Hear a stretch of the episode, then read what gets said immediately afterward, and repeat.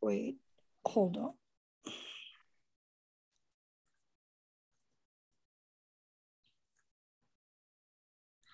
Okay. Ya, ya kita mulai ya. Selamat pagi, sahabat suluh keluarga. Uh, kita bertemu lagi di edisi Thank God It's Friday, ya hari Jumat tanggal 18 Maret 2022 saya bangga sekali pagi ini ya. Uh, ini teman-teman um, uh, apa uh, apa yang premis saya ya selama ini pada teman-teman bahwa silakan membagikan saja link kita nanti apabila ada ada topik yang menarik dari salah satu sahabat pasti akan muncul begitu ya. Dan saya percaya sekali bahwa saat itu muncul maka itulah uh, masa di mana uh, apa ada kegerakan Tuhan gitu ya. Tuhan berkata, ayo bergabung ini sesuatu yang baik gitu ya. Jadi nggak usah dipaksakan, tapi uh, ini aja percaya bagi kita membagikan hal yang baik. Dan pagi ini uh, nanti uh, saya akan minta Pak Irwan untuk membantu hosting yang sudah lama banget Kak Irwan nggak host kan. Uh, pagi ini kita akan berdiskusi sesuatu yang menarik menurut saya ya, karena uh, beberapa kali kita mendengar uh, apa uh, terma-terma ya, terma-terma yang yang yang menyudutkan anak dan remaja. Yang terbaru itu uh, julukan dari saya berharap saya bisa nanti saya akan cari link ke Pak Renald Kasali ya. Waktu beliau memperkenalkan uh, istilah uh, generasi strawberry ya generasi strawberry uh, itu lawan kata dari generasi tangguhnya Pak Irwan ya Kak Irwan ya jadi uh, cuman sedihnya eh, terma itu kemudian digunakan para orang dewasa untuk menyudutkan generasi ini. Padahal sebetulnya itu menjadi kalau menurut saya itu menjadi uh, apa pengingat buat kita semua karena generasi strawberry ini kalau memang ada itu kan masih premis ya kalau memang ada maka itu adalah kesalahan kita kesalahan kita dalam melakukan pendidikannya. Dan kita perlu melihat dampaknya dan menarik ke belakang sehingga pada generasi yang berikutnya itu tidak muncul lagi atau dipotong gitu ya. Karena apa pun yang terjadi pada generasi itu adalah kesalahan generasi sebelumnya karena yang melakukan pendidikan. Nah, hari ini saya jadi bertanya sebetulnya kata kenakalan remaja karena kalau bicara kenakalan remaja ini Kak uh, Ahmad Sofyan ini sangat berpengalaman ya karena beliau setiap hari bergaul, bergumul dengan para remaja ya. Kita bisa mendengarkan kenakalan-kenakalan yang kita sendiri, hah? Gitu ya. Terus sudah sampai situ ya gitu ya. Nah pagi ini saya punya premis tapi nanti akan saya saya um, tampilkan di belakang. Kenakalan remaja uh, itu ada nggak sih sebetulnya? ataukah merupakan sesuatu yang lain gitu ya. Nah, kita akan mendengarkan Pak Ahmad Sofian membagikan uh, insight-nya, kemudian kita akan berdiskusi. Silakan Pak Kak Sofian. Baik, eh, terima kasih Kak Lovely. Eh, Assalamualaikum warahmatullahi wabarakatuh. Selamat pagi teman-teman sekalian. Terima kasih eh, telah hadir memenuhi undangan dari Kak Lovely dalam eh, keluarga uh, parenting kita. Semoga kita dalam keadaan sehat, walafiat, sehingga kita bisa uh, menghadiri acara-acara uh, yang uh, dikemas oleh Kak Lovely dan timnya. Dan uh, perlu saya uh, sampaikan bahwa saya mendapatkan kehormatan yang sangat uh, luar biasa ini diminta untuk uh, berbagi kepada teman-teman sekalian gitu kan. Dan ini bukan hanya untuk uh, menggurui tapi hanya bersifat uh, berbagi saja bagaimana dan gimananya. Saya uh, izin share ya Kak Lofty dan teman-teman. Kak Deli, ya sudah silakan Kak.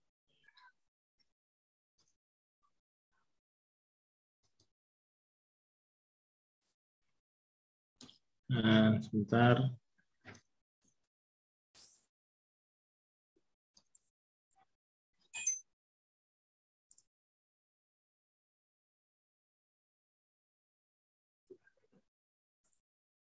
Bentar kan ya. Jadi uh, sambil uh, menunggu saya share gitu kan. Jadi ini hanya bersifatnya uh, share saja ya Bapak Ibu sekalian dan teman-teman sekalian. Ini tidak ada uh, untuk uh, ingin mendiskreditkan atau ingin uh, apa uh, mungkin sok tahu atau kayak gimana gitu kan. Kita berbagi saja di sini mungkin ada yang lebih uh, berpengalaman atau yang ingin uh, lapangannya mungkin berbeda gitu kan. Baik, uh, ini yang saya akan paparkan, Bapak Ibu sekalian. Uh, ini adalah uh, kenakalan remaja. Sebenarnya sih bukan kenakalan gitu kan. Ini adalah uh, sebuah uh, trik saja bagi anak-anak kita bagaimana dan gimananya. Oke. Nah, uh, jadi uh, kata remaja ini gitu kan, kata remaja gitu kan. Apa itu kata remaja nih? Kata remaja, apakah artinya kita tahunya remaja, remaja, remaja gitu kan ya? Uh, nah ini uh, kalau dilihat uh, remaja ini menurut uh, apa? Menurut uh, Letterlux gitu kan, yang menurut sumber gitu kan, dia adalah uh, belasan tahun ini remaja yang belasan tahun, terus uh, dan dia di antara yang disebut dewasa juga tidak bisa disebut anak-anak, jadi di tengah-tengah gitu. Nah, eh, remaja ini jadi bukan yang ini ya, gitu kan, bukan yang ini, gitu kan ya, bukan yang ini, gitu kan ya. Tetapi eh, peralihan eh, di antara eh, yang dewasa, terus juga berjalan di antara umur di sini antara 12 sampai eh, 21. Aduh, keluar sebentar, sebentar. Maaf, teman-teman.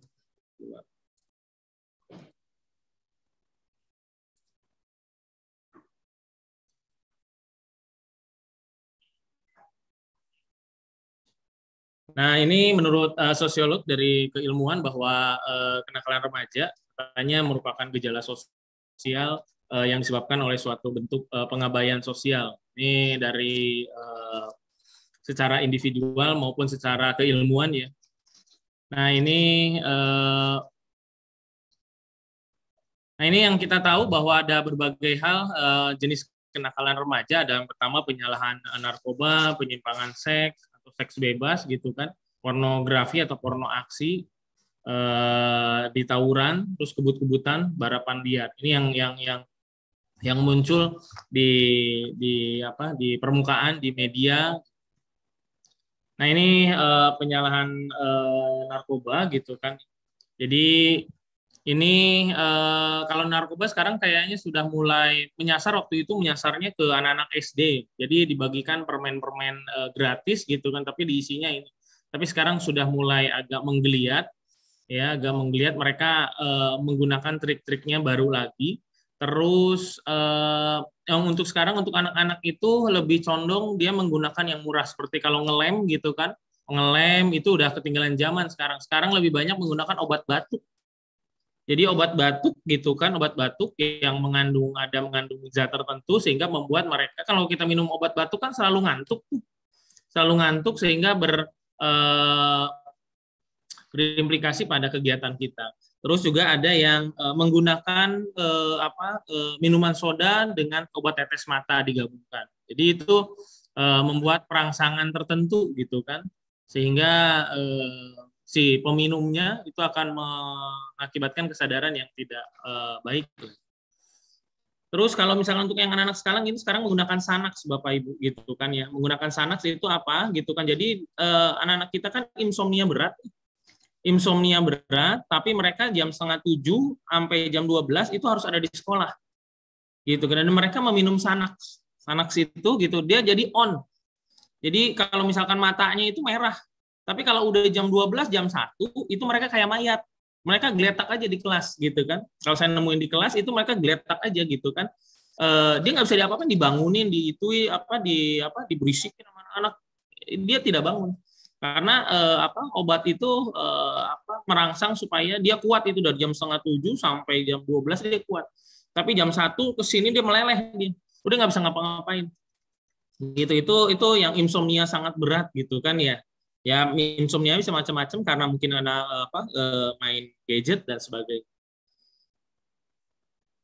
Eh, karena main gadget itu sekarang udah mulai ada uangnya bapak ibu gitu kan. Misalkan eh, apa saya memainkan eh, kalau yang masih di low gitu kan saya memainkan akunnya. Misalkan akunnya Kalofi saya mainkan sehingga eh, akan menjadi eh, apa menjadi tingkatannya akan lebih jadi tinggi gitu kan saya mainkan sekian gitu kalau free tidur saya mainin terus gitu kan tapi sama saya dibayar kan gitu kan itu yang yang yang apa yang biasa tapi yang kalau yang sekarang adalah uh, kasus yang sekarang adalah judi online. Kalau misalkan kita lihat ada kasusnya ada binomo gitu kan ya, itu kan yang besar ya trading buat buat orang-orang yang punya duit. Kalau anak-anak gimana? Anak-anak itu judi online gitu judi online di media gitu eh, di di main games gitu. Kan mereka kan kalau main game yang bapak ibu atau teman-teman sekalian yang pernah main games juga kita bisa berinteraksi dengan siapa pun yang dari luar dan itu bisa dijadikan judi bapak ibu. Dan judinya sekarang anak-anak sudah mengenal adanya kripto dan bitcoin. Lebih hebat lagi dibanding mudah-mudahan kita uh, kenal itu uh, apa itu kripto currency atau bitcoin gitu kan. Mudah-mudahan nanti uh, ada apa ada uh, lebih detail mengenai itu semua. Soalnya uh, apa dan gimana, terus uh, bagaimana dengan uh, yang sekarang lebih condong ke apa ke gamesnya itu tadi judi. Nah kalau misalnya kita lihat kembali lagi ke sini yaitu mengenai di rokok nih. Rokok ini sekarang udah mulai hebat nih dicelupkan. Kalau kita dulu kalau saya ngelihat bapak-bapak dulu dicelupkan di kopi gitu kan karena rokoknya pengen rasa kopi gitu kan. Kalau sekarang itu mulai diambil gitu daun tembakaunya gitu kan di rokok kretek atau di rokok filter itu diambil mereka ngiris-ngiris daun kecubung. Jadi di sini dikeringin daun kecubung. Daun kecubung kita tahu bahwa itu akan membuat apa ya uh, halusinasi fly. Ya kesadarannya hmm. uh, tingkat tinggi kalau misalkan tapi mereka akan sedikit-sedikit. Jadi kalau misalkan itu nggak ketahuan. Tidak hmm. ketahuan tidak ini gitu kan. Cuman baunya juga akan menyengatnya beda ini trik-trik kalau misalkan di uh, apa ya di sekolah lah mereka. Dan mereka uh, biasaan kita adalah kita tidak mengontrol. Tapi kalau kami di sekolah itu selalu mengecek adalah bagasi motor. Anak-anak suka ngumpetin itu di bagasi motor. Mereka mengalasan kalau istirahat pak ada yang ketinggalan di motor gitu padahal ngerokok dia atau yang paling seru kalau misalkan sekarang apa uh, vape ya. Vape-nya itu sekarang diisi sesuatu gitu kan vape-nya diisi sesuatu. Terus anak-anak sekarang gampang banget untuk memasukkan minuman keras ke dalam sekolah. Karena dulu zamannya saya dulu kalau misalkan minuman keras itu dia pakai botolnya kan. Tapi kalau sekarang kita kayak beli es aja, masukin dalam plastik gitu kan. Jadi orang-orang melihat wah itu kayak es uh, Fanta atau es apa gitu kan. Kalau kita nggak ngeh gitu kan itu yang bikin ini gitu kan. Nah, terusnya ini dia uh, seks bebas gitu. Sekarang lebih condong lebih seru nih kalau misalkan untuk seks bebas gitu kan ya. Jadi dilakukan bukan hanya kaum remaja saja, tapi yang udah berumah tangga juga uh, akan melaksanakan ini yang bukan pasangannya gitu kan. Jadi bukan hanya remaja saja ini kalau misalkan. Nah kalau misalkan seks bebas di antara anak-anak itu yang pertama adalah kenalan. Kenalan ini nggak harus uh, tatap muka ya. Bapak ini di dunia maya. Dunia maya dengan siapa aja gitu kan baru ini kita texting atau misalkan sekarang uh, teleponan atau anak-anak sih lebih seneng uh, senangnya itu texting gitu kan kalau malam-malam jam satu jam 2 gitu kan ya. Nah terus uh, mereka pergi gitu ke mana ada yang mau pergi ada yang secara online perginya. Seru kan kencan secara online saya juga baru tahu itu. Jadi lewat video call gitu kan ya ataupun uh, lewat apa uh, dia merubah avatar sendiri gitu kan nanti ada materinya gitu kan mengenai metaverse kalau nggak salah gitu kan ya. Nah ini baru uh, mulai uh, ciuman, baru nanti uh, ini uh, free sex, baru nanti hamil di luar nikah gitu kan ya. Ini yang seru gitu kan ya. Dan mereka uh, kalau dulu tuh zamannya dulu banget gitu ada di salah satu rumah sakit di Jakarta itu yang terang-terangan uh, apa ya uh, ingin apa punya aborsi gitu kan tapi sekarang udah uh, susah nyarinya gitu kan. Kalau misalkan ini kecuali kalau mereka uh, meminum atau mau makan uh, sesuatu gitu kan. Nah ini pornografi gitu kan. Ini seru banget gitu kan. Pornografi itu bukan hanya kita menonton uh, gambar foto tulisan gitu kan. Nah sekarang ini udah mulai nih. Uh, pornografi itu uh, tidak hanya untuk uh, sesama jenis gitu kan. Uh, mohon berlainan jenis tapi sekarang lebih mengembang itu adalah dengan uh, sesama jenis gitu kan. Saya minta waktu itu kalau misalkan ke sekolah itu selalu datang itu uh, apa ya PKPR uh, kegiatan uh, apa uh, pendidikan kegiatan remaja itu dari puskesmas itu pasti tentang AIDS semua. Terus saya minta sama petugas puskesmasnya tolong coba sekali-kali tentang uh, uh, pornografi atau misalkan uh, tentang uh, sesama jenis. Kalau sesama jenis kalau zamannya saya dulu atau zaman zamannya uh, ayah dan ibu saya dulu itu pornografi apa untuk yang sesama jenis gitu kan itu saling malu-malu dan punya tanda-tanda. Jadi contohnya kalau misalkan tanda-tanda kalau misalkan apa uh, kerahnya itu terbuka gitu kan ya. Kalau misalkan jalan di mall kerahnya ngangkat begini itu memiliki uh, tanda bahwa dia itu uh, sesama. Terus kalau yang pakai anting dan sebagainya. Kalau sekarang tidak, dia hampir sama, cuman hanya main di handphone. Jadi handphone itu sama kayak Gojek, mohon maaf aja kayak Gojek atau misalnya kayak aplikasi apa ya, Gojek online gitu kan lima menit lagi gitu. Atau misalkan kalau di Gojek kan lima menit lagi 10 menit sampai. Tapi kalau di aplikasi dia ada yang bilang eh, dua meter lagi satu meter lagi. Dan kita kalau di kereta ataupun di ruang sekolah gitu kan mereka tinggal aktifkan aplikasi itu dan mereka melihat oh itu eh, apa yang sesuai dengan saya gitu. Jadi tahu sama tahu gitu. Dan ayah ibu juga harus ngecek itu sekarang ngecek uh, handphone. Wah ngapain pak saya ngecek handphone? Sekarang ada jalan belakang bapak ibu gitu kan jalan belakang namanya uh, kalau misalkan di aplikasi uh, di aplikasi itu ada yang parental guide. Kalau saya memakainya itu uh, Kid Security. Bapak Ibu tinggal download saja di Play Store, namanya Kid Security. Itu Bapak Ibu nggak hanya melihat ini aja, nggak melihat WhatsApp-nya. Biasanya kita kan WhatsApp di komputer ya. Tapi kalau misalkan ini Kid Security, cari aja di Play Store gitu kan, eh, itu nanti Bapak Ibu akan lihat eh, dia menggunakan aplikasi apa aja. Aplikasi apa aja, misalkan TikTok atau misalkan WhatsApp itu secara whole gitu kan seakan-akan kita punyanya eh, punyanya handphone dia gitu. Jadi nggak usah kita ngambil handphone gitu kan, kita cek-cek nih apaan ini, pinnya berapa, ini berapa? Gitu kan sampai di ini jadi anak merasa apa ya merasa malu merasa gimana. Kita mainnya main belakang aja. Sekarang udah ada zaman teknologi bapak ibu gitu kan ya. Jadi ini jadi yang mengakses pernah menonton atau mengakses pornografi ini adalah 93 eh, persen pernah berciuman atau 97 persen sudah menonton. Kalau zaman dulu saya gitu kan untuk menonton uh, pornografi itu atau misalkan untuk video saja itu mahal sekali kan gitu kan. Kalau nggak salah 10 ribu satu kaset. Padahal uang jajan saya cuma hanya seribu. Kan sayang banget. Kalau sekarang uh, mulai beda ya Bapak Ibu ya semua. Gitu kan. Sekarang di genggaman di handphone atau kita lagi buka uh, internet pun suka muncul gambar-gambar yang nggak bagus gitu kan. Makanya suka ada sekarang uh, kalau anak-anak sekarang yang suka memakai uh, tabnya itu adalah samaran. Nah ini lebih repot lagi nanti Bapak Ibu kalau misalkan kita buka tabnya itu samaran gitu kan ignoto apa ignito kalau nggak salah bahasa itunya gitu kan ya itu eh, apa warnanya itu hitam. Jadi nggak akan kelihatan. Historinya pun dicek nggak akan kelihatan. Jadi kita harus tahu juga Bapak Ibu untuk eh, dia akses nggak sih pornografi atau nggak di handphone aja gitu. Di handphone di site-nya eh, Google atau site yang lain gitu kan. Eh, secara kalau di Google itu nggak akan bisa. Misalkan kita membukanya XXXX gitu. Itu diblok sama Google. Tapi mereka udah punya sekarang namanya VPN mereka itu udah tahu caranya menggunakan VPN jadi bisa akses semuanya. Jadi film-film yang eh, yang harusnya tidak mereka tonton gitu kan mereka tonton.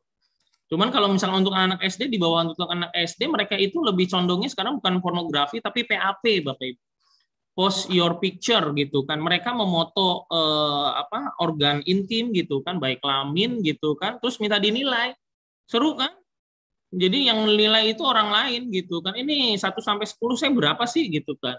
Coba saya berapa, saya berapa gitu. Itu yang yang, paling ini. Terus eh, apa anak-anak kalau misalnya anak SD lihat mohon maaf aja kalau kelenjar mamainya itu belum besar, mereka menggunakan eh, apa? Eh, mereka menggunakan kapas. Saya pernah menemuin anak-anak itu anak-anak SD malah. Dia menggunakan kapas boneka, bonekanya di brodel kan gitu kan, itu kapasnya beda. Bonekanya di bredel kan kapasnya beda, itu dimasukkan ke dalam kelenjar mamai sehingga dia besar. Itu dimasukkan ke dalam beranya dia sehingga besar itu menunjukkan kan uh, segala sesuatu yang apa ya aneh aja gitu kan kok udah usia segini kok besar gitu kan padahal bukan umurnya gitu. Nah itu dia mereka ingin lebih condong ya seperti itu. Nah ini uh, Nah ini uh, undang-undangnya Bapak Ibu. Cuman kalau misalkan uh, Ini uh, dari uh, undang-undang uh, tentang pornografi. Kalau misalkan ada uh, paling banyak sih 6 miliar gitu ini undang-undangnya gitu kan ya. Cuman sampai saat ini juga ada yang sekarang udah mencoba-coba apa membuat atau memperbanyak atau mempertontonkan atau menjadi artis gitu kan, tapi menjadi pornografi gitu kan ya. ini banyak seperti pasangan suami istri melibatkan ini melibatkan itu gitu kan ya yang ada menggunakan apa eh, anak-anak di bawah umur gitu kan ya ini yang harus ada juga yang lebih seru lagi eh, yang bunuh diri itu bunuh diri bareng sama keluarga gitu kan kalau ini eh, main bareng dengan eh, pornografi main bareng dengan keluarga gitu kan nah ini banget gitu kan jadi ini tentang eh, peraturannya Nah, yang selanjutnya adalah tawuran atau perkelahian ini paling sering Bapak Ibu gitu kan. Mereka ini sekarang sering menggunakan senjata tajam. Senjata tajam seperti celurit yang panjang gitu kan ya. Dan kalau Bapak Ibu lihat di media bukan uh, di apa di di apa di toko online, dapatnya gampang banget ini untuk mendapatkan ini gitu kan. Seperti celurit yang panjang banget gitu kan atau misalkan samurai gitu kan ya. Itu dapatnya gampang banget. Nah ini kalau misalkan ini uh, fenomena ya, kalau misalkan uh, kenapa uh, di Jakarta itu kalau hari Sabtu itu libur karena dulu itu sering terjadi tawuran hari Sabtu, makanya di pemerintah itu mereduksi bahwa hari Sabtu itu tidak khusus untuk uh, apa untuk uh, belajar mengajar. Ini uh, contoh kasusnya Bapak Ibu yang ini yaitu uh, di Depok ini yang uh, 6 September 2021 gitu kan Uh, selanjutnya ini uh, jadi mereka itu merasa bangga Bapak Ibu dan yang paling seru yang ini yang terakhir nih saling tantang di via Instagram cuman uh, uh, apa uh, sekarang itu uh, tidak main kata-kataan main di luar gitu. Misalkan saya teriak-teriak di sekolahan musuh saya gitu. Biasanya dulu tuh zaman saya dulu waktu uh, SMA gitu saya teriak-teriakan di sekolah depan sekolah. Wah begini begitu begini. Sekarang enggak tantang lewat media sosialnya dia ataupun uh, apa uh, tentang grupnya dia untuk menjadikan uh, tawuran. Makanya kita Bapak Ibu gitu kan, kalau yang sekarang belum join dengan media sosial anak-anak kita, join sekarang. Kalau nggak mau ketahuan kita orang tuanya, yaitu kita pakai second account. Second account itu uh, apa? Uh, identitas yang kedua lah. Pakai misalkan saya Sofian gitu, ntar pakai namanya siapa gitu kan ya. Jadi uh, dia nggak ketahuan. Sama kalau misalkan untuk update di WhatsApp aja sekarang anak-anak itu sekarang membatasi gitu kan nggak dibatasi nggak semuanya. Bahkan eh, itu yang paling seru. Nah ini eh, tawuran Bapak Ibu gitu kan. Nah ini terjadinya di Cakung gitu kan. Ini uh, oleh uh, kelompok pelajar gitu kan ya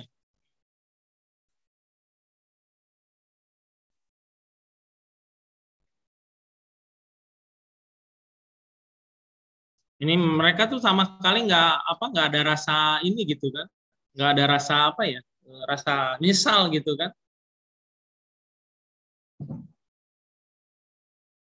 Ini terdengar kan kalau Fli ya suaranya dari video ini? Apa tidak? Tidak baik. Jadi biar uh, jadi ini uh, Jadi lewat uh, tawuran ini jadi uh, apa? Ini di kalau misalkan dilihat di video ini adalah uh, pada perumahan ya. Jadi mereka saling ejek dan sebagainya. Gitu kan. Nah, terusnya ini dia uh, Bapak Ibu bisa dilihat ini senjatanya begitu seru ya gitu kan begitu seru Eh, begitu aktif ini adalah senjata eh, tajamnya yang mereka gunakan gitu. Nah ini eh, ini di Depok gitu kan kasusnya tanggal 7 Maret gitu kan hingga lempari rumah dan mobil gitu yang menghalangi dia di pokoknya nggak ada yang menghalangi lah pokoknya jalanin aja lah itu. Nah ini uh, tawuran ini uh, macam-macam. Jadi ada yang menunjukkan jati diri, juga ada yang dikenal dengan istilahnya ya keren, ya oke okay lah, yang bagaimana lah gitu kan. Jadi bisa macam-macam. Ini bisa ada yang mengapa eh, tadi eh, ada murid saya itu dia itu eh, dia gara-gara bisa membunuh bapak ibu membunuh dia jalan sama pacarnya waktu itu di Paseban di Senen dia itu lagi jalan pacaran sama uh, pacarnya terus di depan gangnya itu digodain sama anak gang situ. Karena rumah perempuannya di Paseban. Digoda-godain biasa lah gitu kan. Nah si apa laki-laki pacarnya merasa apa ya e, kok pacar saya dibegitukan? Akhirnya terjadi cekcok mulut sehingga akhirnya terjadi berantem akhirnya terjadi bunuh-bunuhan gitu kan ya. Udah terjadi bunuh-bunuhan akhirnya si cowok pacarnya ini masuk penjara gitu kan ya. Masih masuk penjara udah masuk penjara dia dihukum selama 8 tahun karena pembunuhan. Uh, setelah 8 tahun akhirnya uh, kirain saya jadi gitu pacaran mereka. Ternyata enggak mereka cerai juga gitu kan ya. Ini lebih seru lagi. Nah ini uh, tawuran gitu kan. Kalau dulu saya di Manggarai itu di Jakarta Selatan itu uh, tawuran itu sering terjadi antar antar apa ya? Antar uh, eh, RT gitu kan antar RW gitu kan ya. Atau antar depan rumah juga bisa terjadi gitu kan. Jadi uh, pertama uh, yang harus di ini kan adalah uh, dikasih uh, apa uh, kegiatan positif. Seperti kembangkan lagi misalkan uh, yang paling uh, ini di kalau misalkan di daerah saya itu uh, apa lapangan sepak bola yang tadinya tidak terurus uh, jadi terurus. Terus adanya meja bulu tangkis gitu kan. Terus ada perlombaan tinju gitu kan ya. Ini perlombaan tinju perlombaan karate gitu kan. Ini akan meng, meng, apa, mengurangi ini semua. Terus yang paling ini adalah uh, balapan liar. Ini ini saya balapan liar ini duitnya bapak ibu. Ini duitnya lumayan gitu kan. Duitnya lumayan karena biarpun nggak punya motor gitu kan ya namanya joki gitu kan itu dibayar. Kalau joki itu mainnya per jaman. Ya satu jam itu enam ratus ribu. Jadi bayangkan saja kalau mereka itu uh, mereka itu nggak punya motornya. Bapak ibu kalau ditangkap juga bukan motor dia motornya motor uh, orang lain gitu kan. Nah itu dia. Jadi kalau misalkan saya mengendarai motor untuk balapan aja satu jam itu enam ratus ribu. Biasanya paling sering kalau misalkan di mana? Di daerah Kemayoran lah ya. Di Benyamin Sueb kalau misalkan di Jakarta itu Uh, itu kalau misalkan adanya malam minggu deh Bapak Ibu, malam minggu bisa dilihat itu warawirinya bagaimana gitu kan. Kalau sekarang katanya uh, Polda gitu kan sudah meng, uh, mengakomodir untuk balapan liar ini di Ancol. Gitu kan. Ini salah satu uh, apa uh, fungsi uh, yang baik yang positif gitu kan diakomodir oleh pemerintah. Nah, ini uh,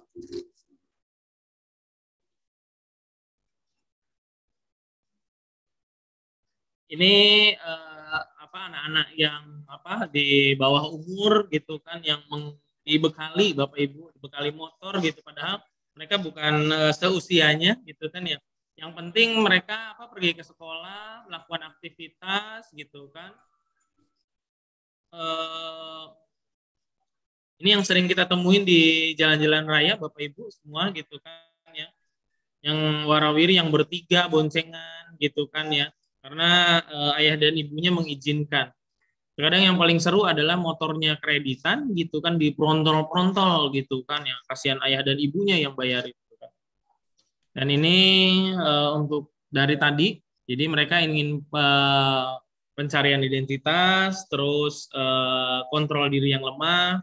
Ini. Terus yang dari eksternal itu ini banyak sekali Bapak Ibu ini salah satu contohnya saja. Pertama adalah perceraian orang tua yang tidak harmonis eh, pendidikan yang salah dimanjakan atau dengan kekerasan. Eh, ini bisa macam-macam ini. Kalau eh, yang kalau dilihat eh, pendidikan yang salah pertama adalah eh, menyerahkan segala sesuatunya itu kepada istri. Padahal tanggung jawab anak itu ada pada ayah. Gitu kan? Ada pada ayah segala sesuatunya. Termasuk kalau misalkan eh, saya pun gitu kan untuk sabun cuci piring aja nggak ada itu tanggung jawab suami bukan tanggung jawab istri sebenarnya. Istri itu cuma hanya untuk eh, kalau misalkan di hadisnya gitu kan istri itu cuma berdandan dan untuk eh, berdandan dan melayani suami itu aja udah. Nggak perlu yang lain-lain cuci piring segala macam. Itu suami harusnya. Bukan uh, bukan kewajiban istri gitu. Karena sekarang kita fenomenanya kebalik. Bahkan kalau di suku-suku tertentu gitu kan saya pernah jalan ke suku-suku tertentu itu pagi-pagi itu e, ibu-ibunya udah ngangkat e, istri-istrinya udah ngangkat air gitu kan di kepala gitu kan ya. E, terus banyak terus e, pada bapak-bapaknya itu pada nongkrong masih nongkrong di warung-warung kopi gitu kan ya. Ya begitu sambil ngerokok sambil begini begini begini gitu kan ya. Terus ada yang nggak mau gitu kan, nggak mau apa, nggak mau ngurusin urusan dapur kan itu urusan perempuan. Padahal kalau di Islam itu hadisnya itu jelas ya. Nah, ini tidak dibekali betul dengan pendidikan agama gitu kan. Yang anak-anak yang seperti itu memang agamanya ya kurang gitu kan. Kurang karena apa ya? Menganggap bahwa agama itu akan menjadi apa ya? Di sini uh, menjadi halangan lah ya mungkin. Tapi kalau diajarin agama juga mereka begitu iya iya iya depan kita tapi sesudahnya ya begitu Salah pergaulan gitu kan ya. Terus uh, lingkungan uh, tempat tinggal yang kurang baik rata-rata uh, tempat kurang tempat uh, yang baik itu bukannya uh, ini ya, tapi yang pertama adalah lingkungan dia. Contohnya saya pernah menemuin anak-anak saya gitu kan, anak-anak kami itu uh, ternyata di lingkungannya itu, mohon maaf aja, rumahnya itu uh, segalanya di situ ya rumah apa uh, ruang tamunya di situ masaknya di situ jadi untuk mereka ber, bergerak aja susah jadi mereka mengandalkan di luar, misalkan di luar rumahnya, di gangnya, akhirnya mereka ke mana-mana gitu karena dari situlah mulai. Nah ini eh, jadi untuk mengatasi hal yang dilakukan, eh, cara mengatasi untuk anak remaja, pertama menjadi figur ya bagi anak-anaknya sedang berkomunikasi gitu kan. Eh, tentunya adalah penanaman ilmu agama gitu kan, terus motivasi. Eh, Nah ini yang paling seru gitu kan, eh, apakah remaja pemberontak gitu kan? Kemarin kalau misalkan di flyernya, waduh ada tambahan lagi nih gitu kan, remaja pemberontak gitu kan ya. Jadi masalahnya ini dia, mencari-cari perkara, mencari-cari perkara, mempertanyakan kebijakan gitu. Ini yang paling seru gitu kan. Kenapa? Pokoknya kalau anak-anak nanya itu kita jangan bentak-bentak Bapak Ibu. Kalau saya ya saya tahunya dari dari ini gitu. Kalau misalkan waktu masih golden age biasanya anak suka bawel tuh ayah kenapa ini? Ayah kenapa? Kenapa? Yang paling seru kalau anak saya gitu kan nanya gitu kan nanya kucing gitu kan. Karena dia senang kucing gitu kan. Ayah itu apaan? Ngomong apaan uci? Ya meng gitu kan kenapa emang kan ayah kan guru biologi gitu kan jadi harus tahu ayah gitu kan jadi saya harus tahu bapak ibu gitu kan bahasa kucing gitu kan waduh bilang gitu kan jadi saya mengatasinya kalau kucing ini begini begini begini gitu kan jadi ya tadi mempertanyakan apa yang seru apa kebijakan gitu kan Eh, kenapa sih kalau nggak bisa apa uh, kalau tidurnya begini, kalau tidurnya begitu, kenapa harus cuci tangan dulu? Kenapa harus berdoa? Gitu kan. Jadi yang paling banyak pertanyaan gitu gitu kan. Nah, terus ingin tampil sebagai pribadi mandiri, sulit diatur, terus membantah, iya pasti ini. Gitu kan karena ada kebijakan yang yang apa nggak sepaham dengan uh, mungkin nggak sepaham dengan anak-anak kita gitu. Ya tentu berseberangan pastinya. Dan ini uh, solusinya yang pertama adalah uh, menyadari dan menerima setiap perkembangan anak. Jadi anak itu yang makin remaja, makin ini pasti akan ada perubahannya. Terus jalin komunikasi yang intens. Tanyai Bapak Ibu gitu kan hal-hal yang paling sederhana. Untuk yang remaja, untuk yang SMA ini rata-rata orang tua itu pada males nanya, anak belajarnya di, tadi di sekolah apa, sama siapa, belajarnya apa, itu nggak ada PR-nya bagaimana. Tadi bapak gurunya siapa namanya? Nggak ada bapak ibu. Ada murid saya itu bapak ibunya itu saking sibuknya dia polisi dua-duanya mohon maaf gitu kan ya. Yang satu jabatannya itu tinggi-tinggi semua. Mereka di rumah itu saya tanya anaknya cuma WA-an doang. Seru kan?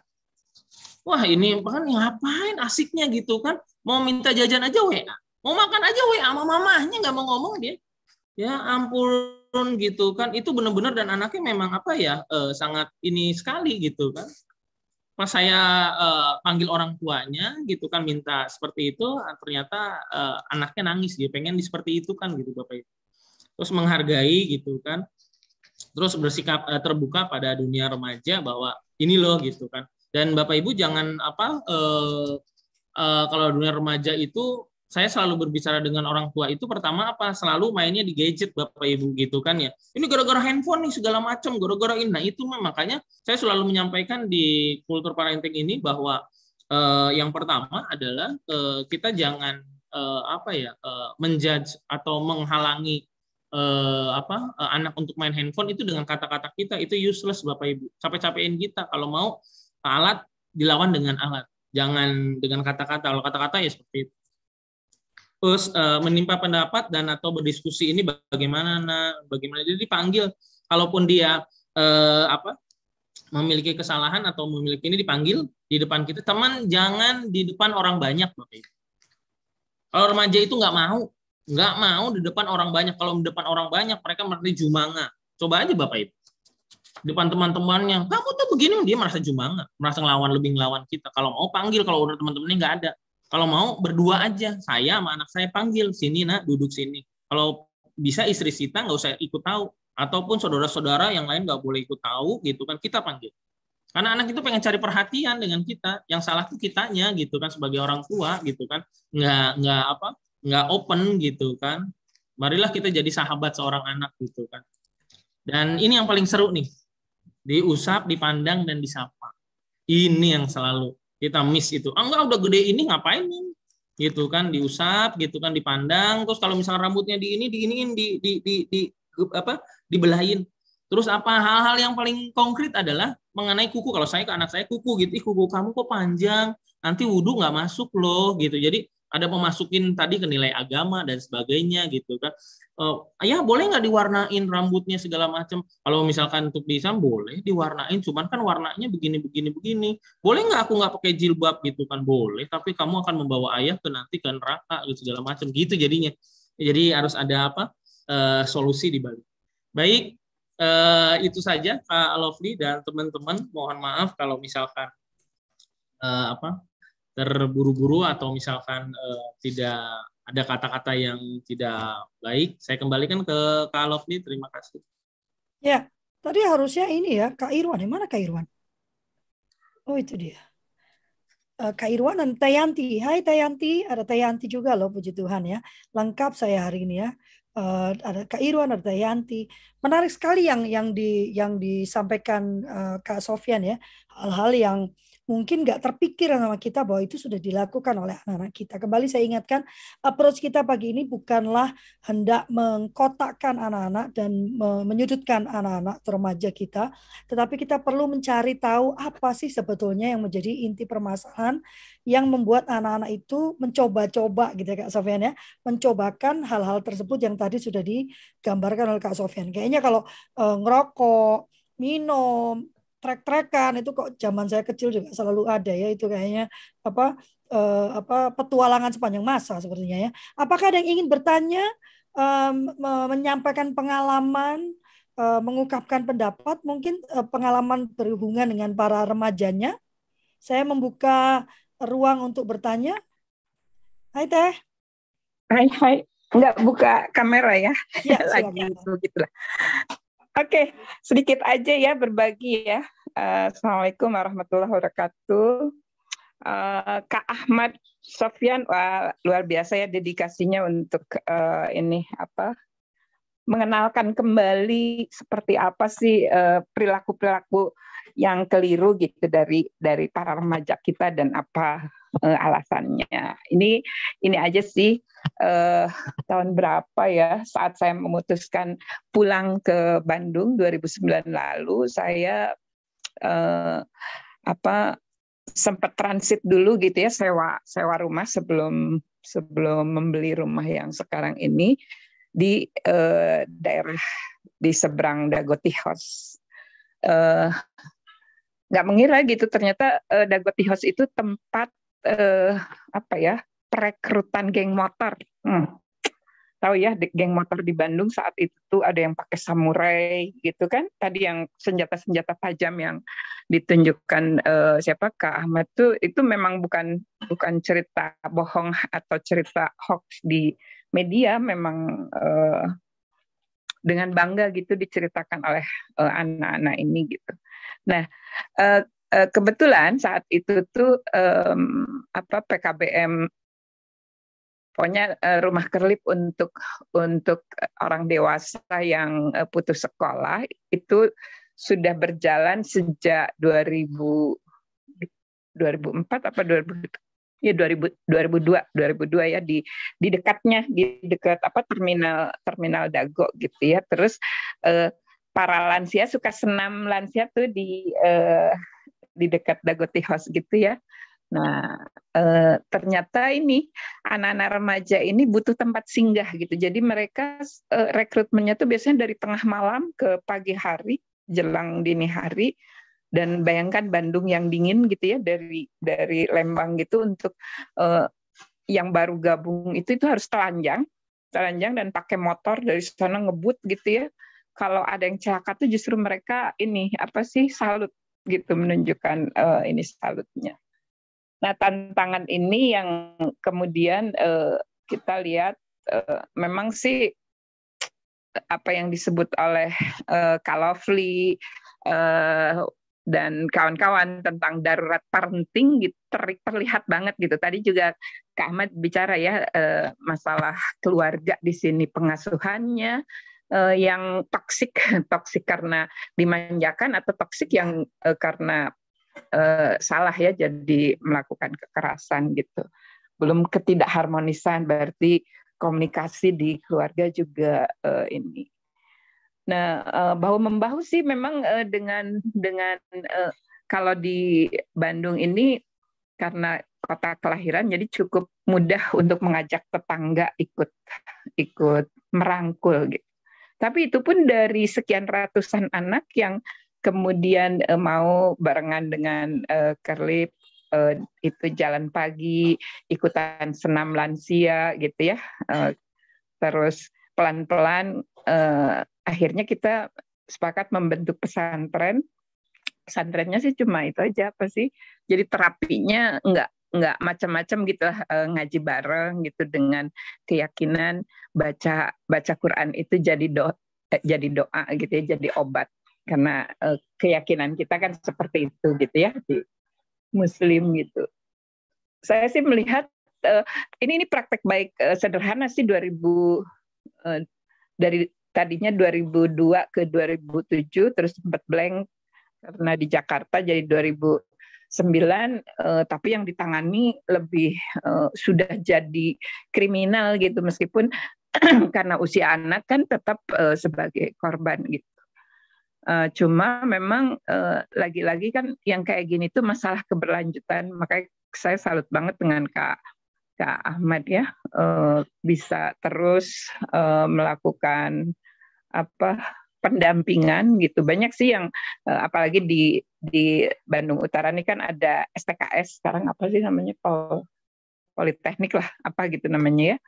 Uh, tapi ya ya gitu. Uh, mohon maaf masih saja berhenti di proyek gitu ya berhenti di situ gitu saya juga uh, ini apa sih tidak tidak melanjutkan setelah pindah ke sini karena uh, banyak hal lah ya termasuk relawannya terus uh, ternyata di komplek di sini nggak boleh ada banyak uh, orang gitu jadi nggak dapat izin gitu dari tetangga sekitar. Nah, uh, saya ini apa sih? Ini memang uh, bukan sekedar apa? Ini ini ini fenomenanya gitu. Tapi memang perlu penyaluran gitu seperti yang kita lakukan di Jakarta ya via ke yang apa sih yang pang waktu itu uh, saya dengan pang muslim gitu yang di Surabaya teman kita tuh siapa yang di Surabaya tuh itu buat uh, grup pang muslim terus akhirnya uh, apa remaja-remaja yang pang rock seperti itu tuh dari dari Aceh sampai ke Bali itu menghimpun di situ terus kita dorong Kemdikbud untuk memberikan uh, apa pembiayaan. Kita sendiri urunan gitu untuk rumah singgah karena tetap saja perlu tatap muka yang uh, ini gitu. Waktu itu kita kontrak di daerah pulau apa sih yang daerah dekat Ciputat tuh Pondok Labu. Suka ketukar sama sama Pulau Gadung.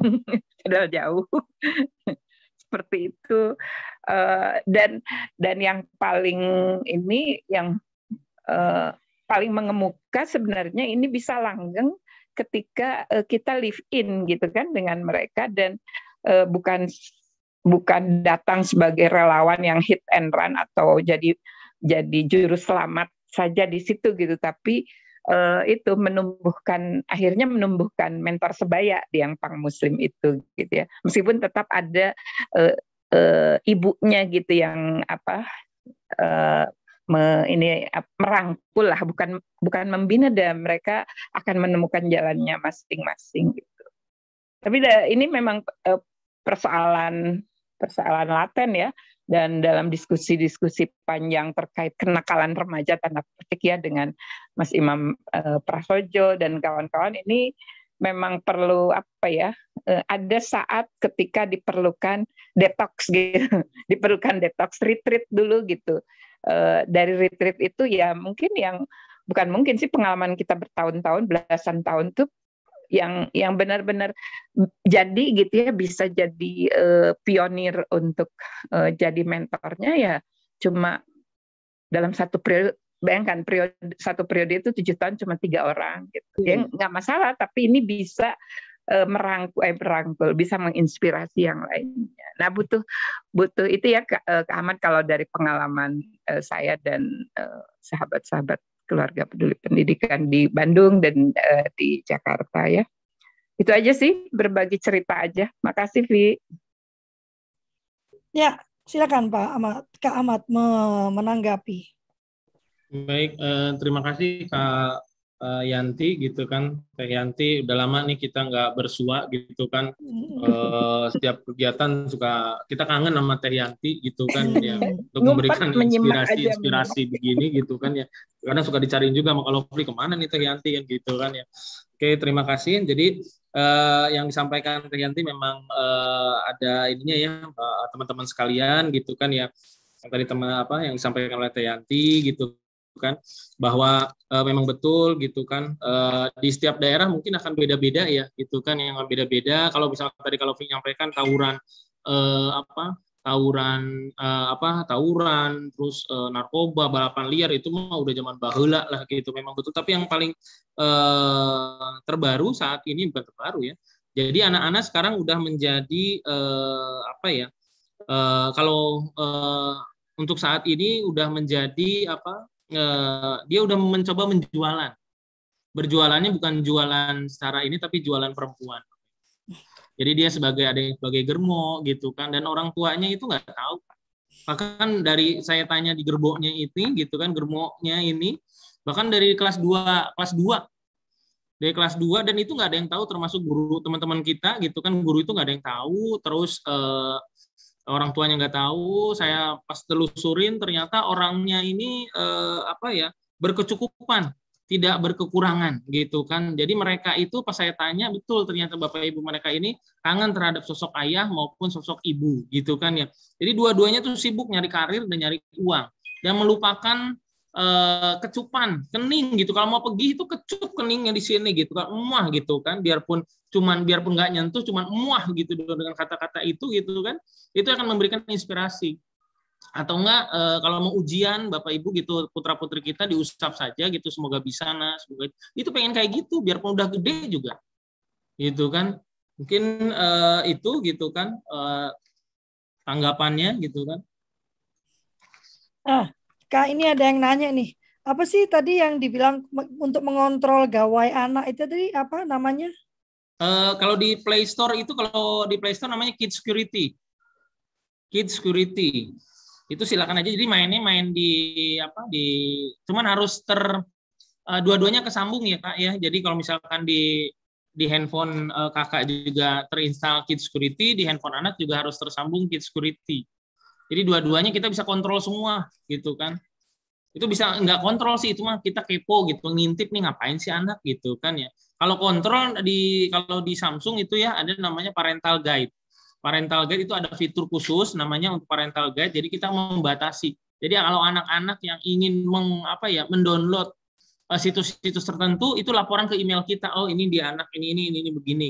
Tapi kalau misalkan untuk kepo gitu kan untuk tahu sedetail mungkin lebih jelas dia ngetik apaan gitu kan itu pakainya tadi kids security kids security gitu itu kak Hmm.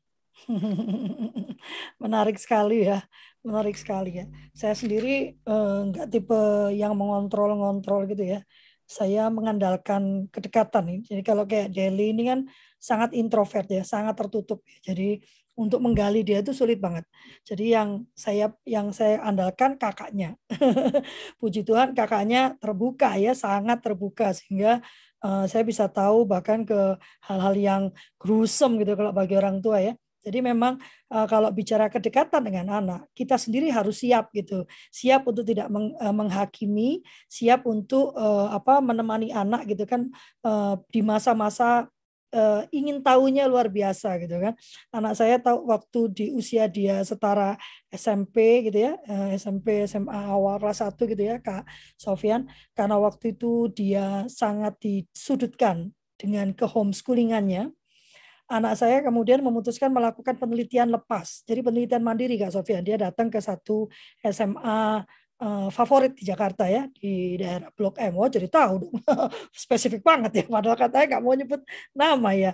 Um, dia nongkrong dengan anak-anak SMA di sana. Dia memperhatikan dan dia menemukan dia bilang siapa bilang mah anak uh, anak SMA itu yang disampaikan Kak Sofian itu adalah temuan buat dia gitu uh, tentang seks bebas. Dia bahkan mengatakan bahkan anak-anak ini pemahaman tentang seksual seksualitasnya dan kesehatan seksualitasnya itu ini loh mah uh, uh, almost bahkan minus gitu ya. Mereka misalnya nggak apa-apa uh, ml sama pacar yang penting minum sprite nanti lompat-lompat keluar kok gitu ya. Uh, yang kayak gitu ya kan. Uh, jadi mereka sama sekali tidak paham tentang kesehatan seksual. Jadi di usia dia yang 15 tahun ya dia memutuskan bergabung dengan salah satu LSM remaja yang khusus bicara tentang kesehatan reproduksi eh, eh, seksual ya.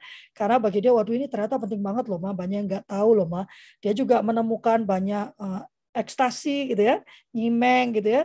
Dan dia bilang itu dilakukannya di sekolah loh mak jadi bawa botol itu di sekolah dia bilang gitu kan. Dibawa dan mereka uh, uh, mabuk-mabukan di situ gitu. Dan gurunya kadang nggak tahu loh mak jadi guru-guru ini juga kadang-kadang karena ingin hidup di dalam dunia yang sempurna ya kak Sofian ya. Jadi kadang-kadang suka pura-pura nggak tahu gitu ya. Enggak, anak saya nggak begitu, enggak gitu ya. Padahal sebetulnya mereka ada curigation, curigation gitu ya. Uh, tapi satu yang menarik menurut saya, Kak Sofian menekankan tentang uh, satu uh, bagaimana keluarga itu ber uh, ber, uh, ber apa, berinteraksi ya Kak Sofian ya tadi ya ada satu penekanan tentang bagaimana keluarga itu berinteraksi sebetulnya dengan membangunkan kita tentang kenyataan bahwa anak-anak kita itu jauh dari apa yang kita bayangkan, gitu ya Kak Sofian ya. Eh, satu yang ingin saya eh, inspirasikan sebetulnya, ingin saya bangunkan juga bahwa penekanan itu adalah pada hubungan kita yang rusak dengan anak-anak kita ya Kak Sofian ya. Ada apa? Ada prioritas yang sudah meleset dari keluarga tersebut sehingga menempatkan anak pada prioritas ke-25 mungkin ya. Bahkan bukan nomor 2 nomor 3 ya ke-25 setelah A B C D E dan segala macamnya. Saya ingin mendengarkan uh, pendapat Kak Irwan nih ya. Kak Irwan ini punya konsep uh, apa generasi uh, tangguh ya. Uh, Kak Irwan silakan. Hihi, sambil jalan ya. Oh, udah di jalan. Oke, okay, silakan. Ya. Uh, yang dipaparkan tadi ya memang memang banyak begitu ya. Tapi kan ada semua itu ada ada dua sisi ya. Jadi kalau saya lihat juga eh, kita bisa aja nayangkan ada satu tempat di mana eh, ada sense itu juga dia begitu patuh begitu produktif begitu kreatif begitu inovatif gitu kan. Nah jadi eh, seperti tadi juga mungkin dalam diskusi kan kenapa yang ini bisa jadi begitu, yang ini bisa jadi begini, gitu kan. Nah, tentunya banyak multidisiplin ilmu yang bisa memandang. Ya, kalau dokter Amir itu nanti insya Allah akan diundang ke dokter juga itu kan, dia akan bicara otaknya sehat nggak, healthy brain nggak. Terus kita ngomong gini gini, oh enggak, kalau itu masih otak normal, bukan otak sehat gitu ya. Otak sehat harus begini. Jadi proses awalnya.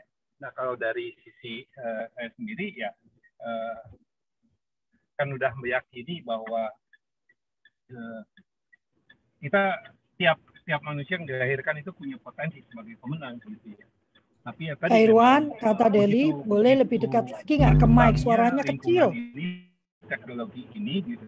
Siap nggak kita menghadapi fuka bani ya, jadi bukan cuma fuka aja, tapi bani ya, ya kejutan yang jangan buntu dan seterusnya itu. Nah, dari sisi remaja memang kita tahu lah memang ada hormon-hormon satu sisi dia uh, dianggap bukan anak-anak tapi satu sisi dia dianggap bukan dewasa juga. Jadi kan istilahnya itu kan ada istilah dulu ya waktu saya zaman penel frekuensi ada istilahnya apa storm and stress gitu ya pada masa-masa perkembangan hormon tadi gitu. Selanjutnya kan bagaimana bagaimana menyalurkan ya karena di uh, memang tidak menyelesaikan masalah, tapi menyelesaikan fenomena uh, seperti kata artis ya, kayak tadi ya, disediakan uh, untuk balapan disediakan untuk apa gitu ya. Ada penyaluran yang yang yang tapi kan ada yang sifatnya sublimasi ada yang sifatnya displacement gitu ya. Jadi ada yang sifatnya uh, disalurkan tetapi mempunyai nilai yang tinggi tetapi uh, ada yang disalurkan cuma disalurkan pokoknya selesai saja itu emosi. Itu misalnya katarsis ya. Jadi suruh mukul-mukul apa suruh teriak suruh apa ya selesai gitu. tapi uh, kalau istilah saya itu kan apa uh, paracetamol approach gitu itu cuma menyelesaikan fenomenanya saja saya kira itu kalau ya di situ ada tadi apa Pak Mat saya belum pernah dengar mungkin bisa diminta pendapatnya. Terima kasih. Sorry ini sambil nyupir nih.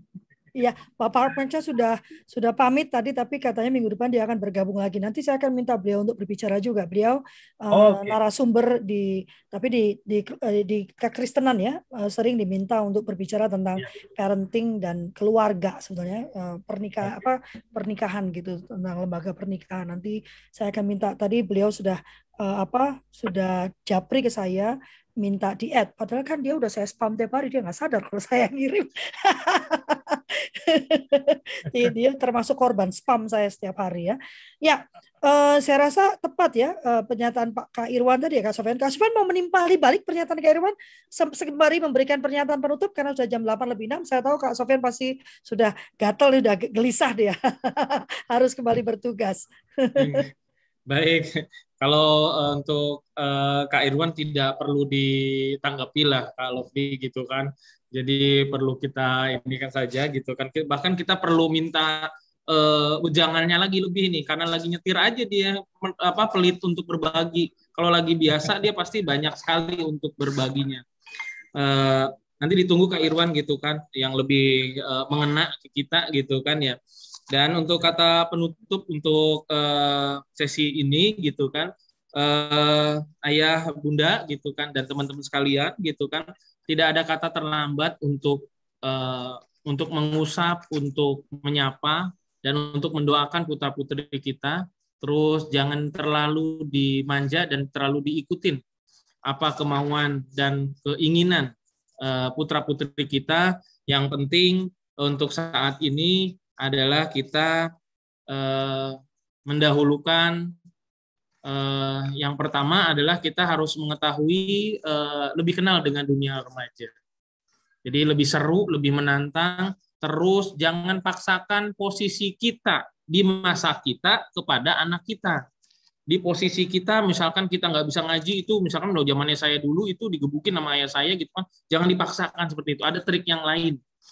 Kenali anak-anak kita apakah dia tipenya audiovisual, visual, atau lebih condong dia lebih menyendiri, atau lebih gelap, lebih senang dia teriak-teriak, kita berikan yang terbaik.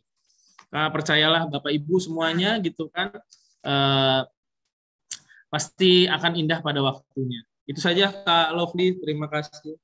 Ya, saya suka itu kata tuh semua pasti akan indah pada waktunya. Saya dulu pernah bikin gerakan hopeful parenting gitu ya uh, bahwa menjadi orang tua itu harus penuh dengan pengharapan gitu. Kalau anak kita sekarang uh, aduh kok gak bisa bisa ya penuh pengharapan bahwa satu hari dia akan bisa gitu kan.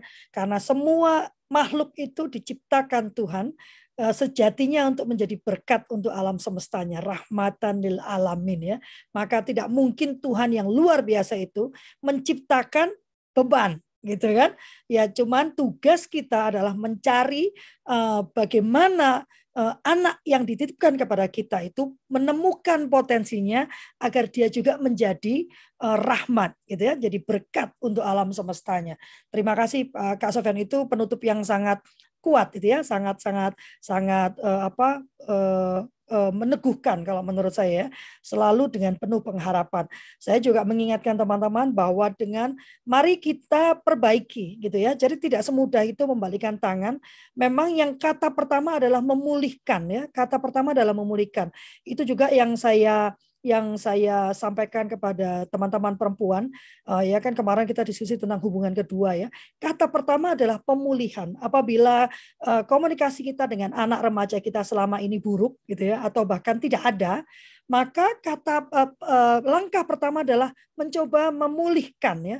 Kalau memulihkan itu dimulai dengan permohonan maaf yang tulus dari kita sebagai orang tua atas kelalaian kita ya, atas kelalaian kita untuk menemani dia menjalani penghidupannya gitu ya. Satu yang menarik dari anak-anak saya, jadi Kak Sofian, anak-anak saya mengalami itu ya. Uh, dia ya, saya nanya udah nonton porno-porno belum gitu ya. Ya dia bilang, "Ya udah lama," gitu ya. Terus gimana? Ah, ya lama-lama ya gitu aja gambar doang nantilah satu hari kan malah menikmati sendiri kata dia.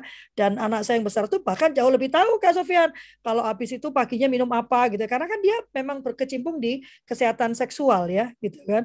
Uh, tes AIDS segala macam tuh dia dia sangat familiar dengan hal-hal seperti itu gitu ya. Uh, cuman yang menarik dari saya, uh, saya bertanya sama mereka kan, sama dia ya.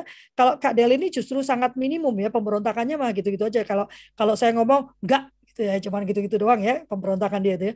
Tapi saya bertanya pada anak-anak saya, kenapa kok kalian tidak berontak ya? Kenapa mama tidak mengalami masa kita itu jadi musuh gitu? Karena kan kalau remaja itu kayaknya kita mau jadi musuh aja kan semua semua jadi pertengkaran gitu kan. Uh, jawaban mereka sederhana dan menarik untuk saya. Mereka bilang, lah saya itu bisa mendiskusikan apa pun dengan mama. Saya boleh protes apa pun dengan mama, gitu kan? Dan mama akan mendengarkan dan mama akan eh, menghormati apa yang saya sampaikan, gitu kan? Kalaupun saya menentang, saya memba, eh, memba, apa melakukan kebalikannya dan ternyata terbukti mama salah, mama enggak Tuhan apa mama bilang mama yang menerima saya dengan biasa dan memahami bahwa saya belajar dari situ. Jadi buat apa saya berontak itu kata mereka ya. Tidak ada guna, tidak ada I have no reason to rebel dia bilang gitu. Karena nggak ada alasannya. Mari kita tidak memberikan alasan pada anak-anak kita untuk memberontak ya.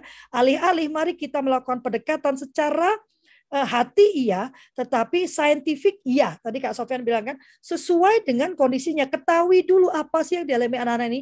Ada gejolak apa. Itu nanti Pak Pak Dokter Amir ya eh, yang yang juga akan menerangkan ada apa? Bagaimana otak anak usia sekian itu bekerja ya? Dopaminnya lagi tinggi gitu kan. Dia sangat ingin sesuatu yang excited. Kalau dulu nenek saya bilang selalu buat sibuk dirimu itu dengan hal-hal yang positif. Jadi dia itu menyediakan kursus banyak sekali. Mengapa? Karena energimu itu besar. Jadi adalah pilihanmu untuk menggunakan energimu yang meluap-luap sebagai anak remaja. Apakah digunakan sebagai sesuatu yang akan membangun masa depanmu ataukah dilakukan untuk hanya me, me, apa, memuaskan uh, energimu yang meluap-luap. Nah, ini yang perlu uh, perlu kita makanya Pak Pak Kak Irwan, saya maunya mulai bicara dari SMP kan, gitu kan. Dari SMP uh, masa dia transisi dari dari anak kecil ke remaja gitu ya Kak Kak Sofiana. Di situlah kita ajarkan dia benar-benar berpikir secara secara apa ya, secara logis gitu ya dengan berdasarkan informasi yang tepat dan merasakan penerimaan yang luar biasa dari keluarganya, setidaknya dari orang dewasa di sekitarnya. Terima kasih Kak Sofian. Hari Senin kita kita akan bertemu dengan uh, Abah ya, Abah Ferus. Ya, saya menyambutnya Abah ya dari dulu ya, Ustadz Ferus ya. Uh, Abah akan bercerita tentang sekolah alam. Kak Irwan, nanti Kak Irwan yang menjadi host ya, karena Kak Irwan kan juga sedang tertarik dengan sekolah alam. Nanti uh, dan uh, Pak Ferus ini adalah konsultan sekolah alam dari konsep yang dimiliki oleh Bang Lendo Novo ya. Uh, mari kita berkumpul lagi dan pada perempuan jam 12 siang nanti saya kita ada operet belajar. Jadi para perempuan akan makan siang bersama dan berdiskusi tentang uh, terbuka tapi tetap privat ya. Uh, kita akan diskusi bagaimana kita bisa terbuka karena kita butuh sahabat, kita butuh didengarkan, kita butuh menyampaikan, tetapi kita tetap privat sehingga kita tidak menyesal di kemudian harinya. Terima kasih banyak Kak Sofian. Bulan depan berbagi lagi ya.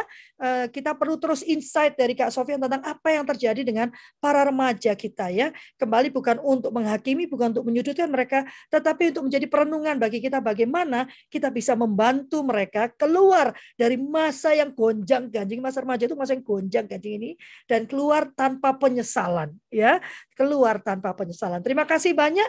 Eh, eh, saya memohon maaf yang sebesar-besarnya apabila apabila ada pernyataan, perkataan, gestur yang kurang berkenan, kami tidak ingin menyudutkan, tidak ingin merendahkan, tidak ingin menghakimi, tidak ingin menggurui juga kata Kak Sofian tadi ya. Kami hanya ingin membagikan apa yang menjadi keyakinan kami dan yang kami lakukan dalam kehidupan kami sehari-hari. Sampai bertemu lagi di hari Senin bagi yang bapak-bapak, bapak-bapak gitu ya. Para perempuan saya mengundang untuk nanti siang jam 12. Terima kasih banyak. Wassalamualaikum warahmatullahi wabarakatuh. Tuhan memberkati. Terima kasih Pendeta Philip, terima kasih Pendeta Mangapoy. Kapan-kapan berbagi terima juga kasih. ya. Terima kasih, luar biasa, sangat menginspirasi, memberkati. Lanjut. Amin. Amin. Kita buat juga nanti di gereja ya Pendeta Philip. Terima kasih Pendeta Mangapoy. Kapan-kapan berbagi dong pengalaman menemani anak-anak remaja. Pendeta Mangapoy ini banyak sekali uh, apa pengalamannya ini. ya, kita perlu insight karena kultur parenting itu terbuka untuk semua pendeta. Siapa pun boleh membagikan pengalamannya. Gitu. Oh, absennya Dede sudah ada? Ya. Kak Deli, sudah ini tolong dibagikan lagi Kak Deli. Uh, saya mengundang yang uh, jadi kita punya pelatihan uh, ini Kak Pak uh, Pendeta uh, untuk disleksia. Uh, ini penting untuk para guru dan para orang tua bagaimana mengajarkan membaca, bagaimana mengajarkan berhitung karena disleksia dan diskalkulia ini mengalami kesulitan dalam membaca, berhitung ya. Lalu juga bagaimana kita bisa mengajarkan mereka supaya highly functional ya. Karena kalau sudah disleksik itu ada beberapa fungsinya yang juga uh, uh, terhambat ya, bermasalah. Berbicaranya juga sering kali bermasalah ya. Uh, pendeta Mangapoy nanti uh, bisa mengirimkan gurunya mungkin ya, sangat penting ya sehingga anak-anak itu nggak diajarkan dipaksakan gitu, tapi benar-benar diajarkan sesuai dengan posisi mereka. Yang ngajar bukan Lovely ya, nggak mungkin lah Lovely ya. Yang ngajar Kak Laurencia Ika dan Kak Twinkie, menariknya mereka berdua ini adalah apa penyandang disleksia keluarganya semua disleksia karena suaminya pun disleksia jadi anak-anaknya disleksia semua sehingga mereka mendedikasikan diri untuk mengembangkan yayasan sebaya membantu anak-anak disleksia dan keluarga dengan anak-anak disleksia itu pendeta Mangapoy siap, siap nanti saya minta nomor telepon pendeta ke pendeta Yabes ya siap siap Terima kasih. Eh, sampai ketemu lagi. Selamat beraktivitas. Tuhan berkati. Terima kasih semua. Ya Kak Deli silakan boleh ditutup. Saya pamit ya. Tayanti. Sehat ya. Terima kasih. Jam 12 semuanya. datang lagi ya.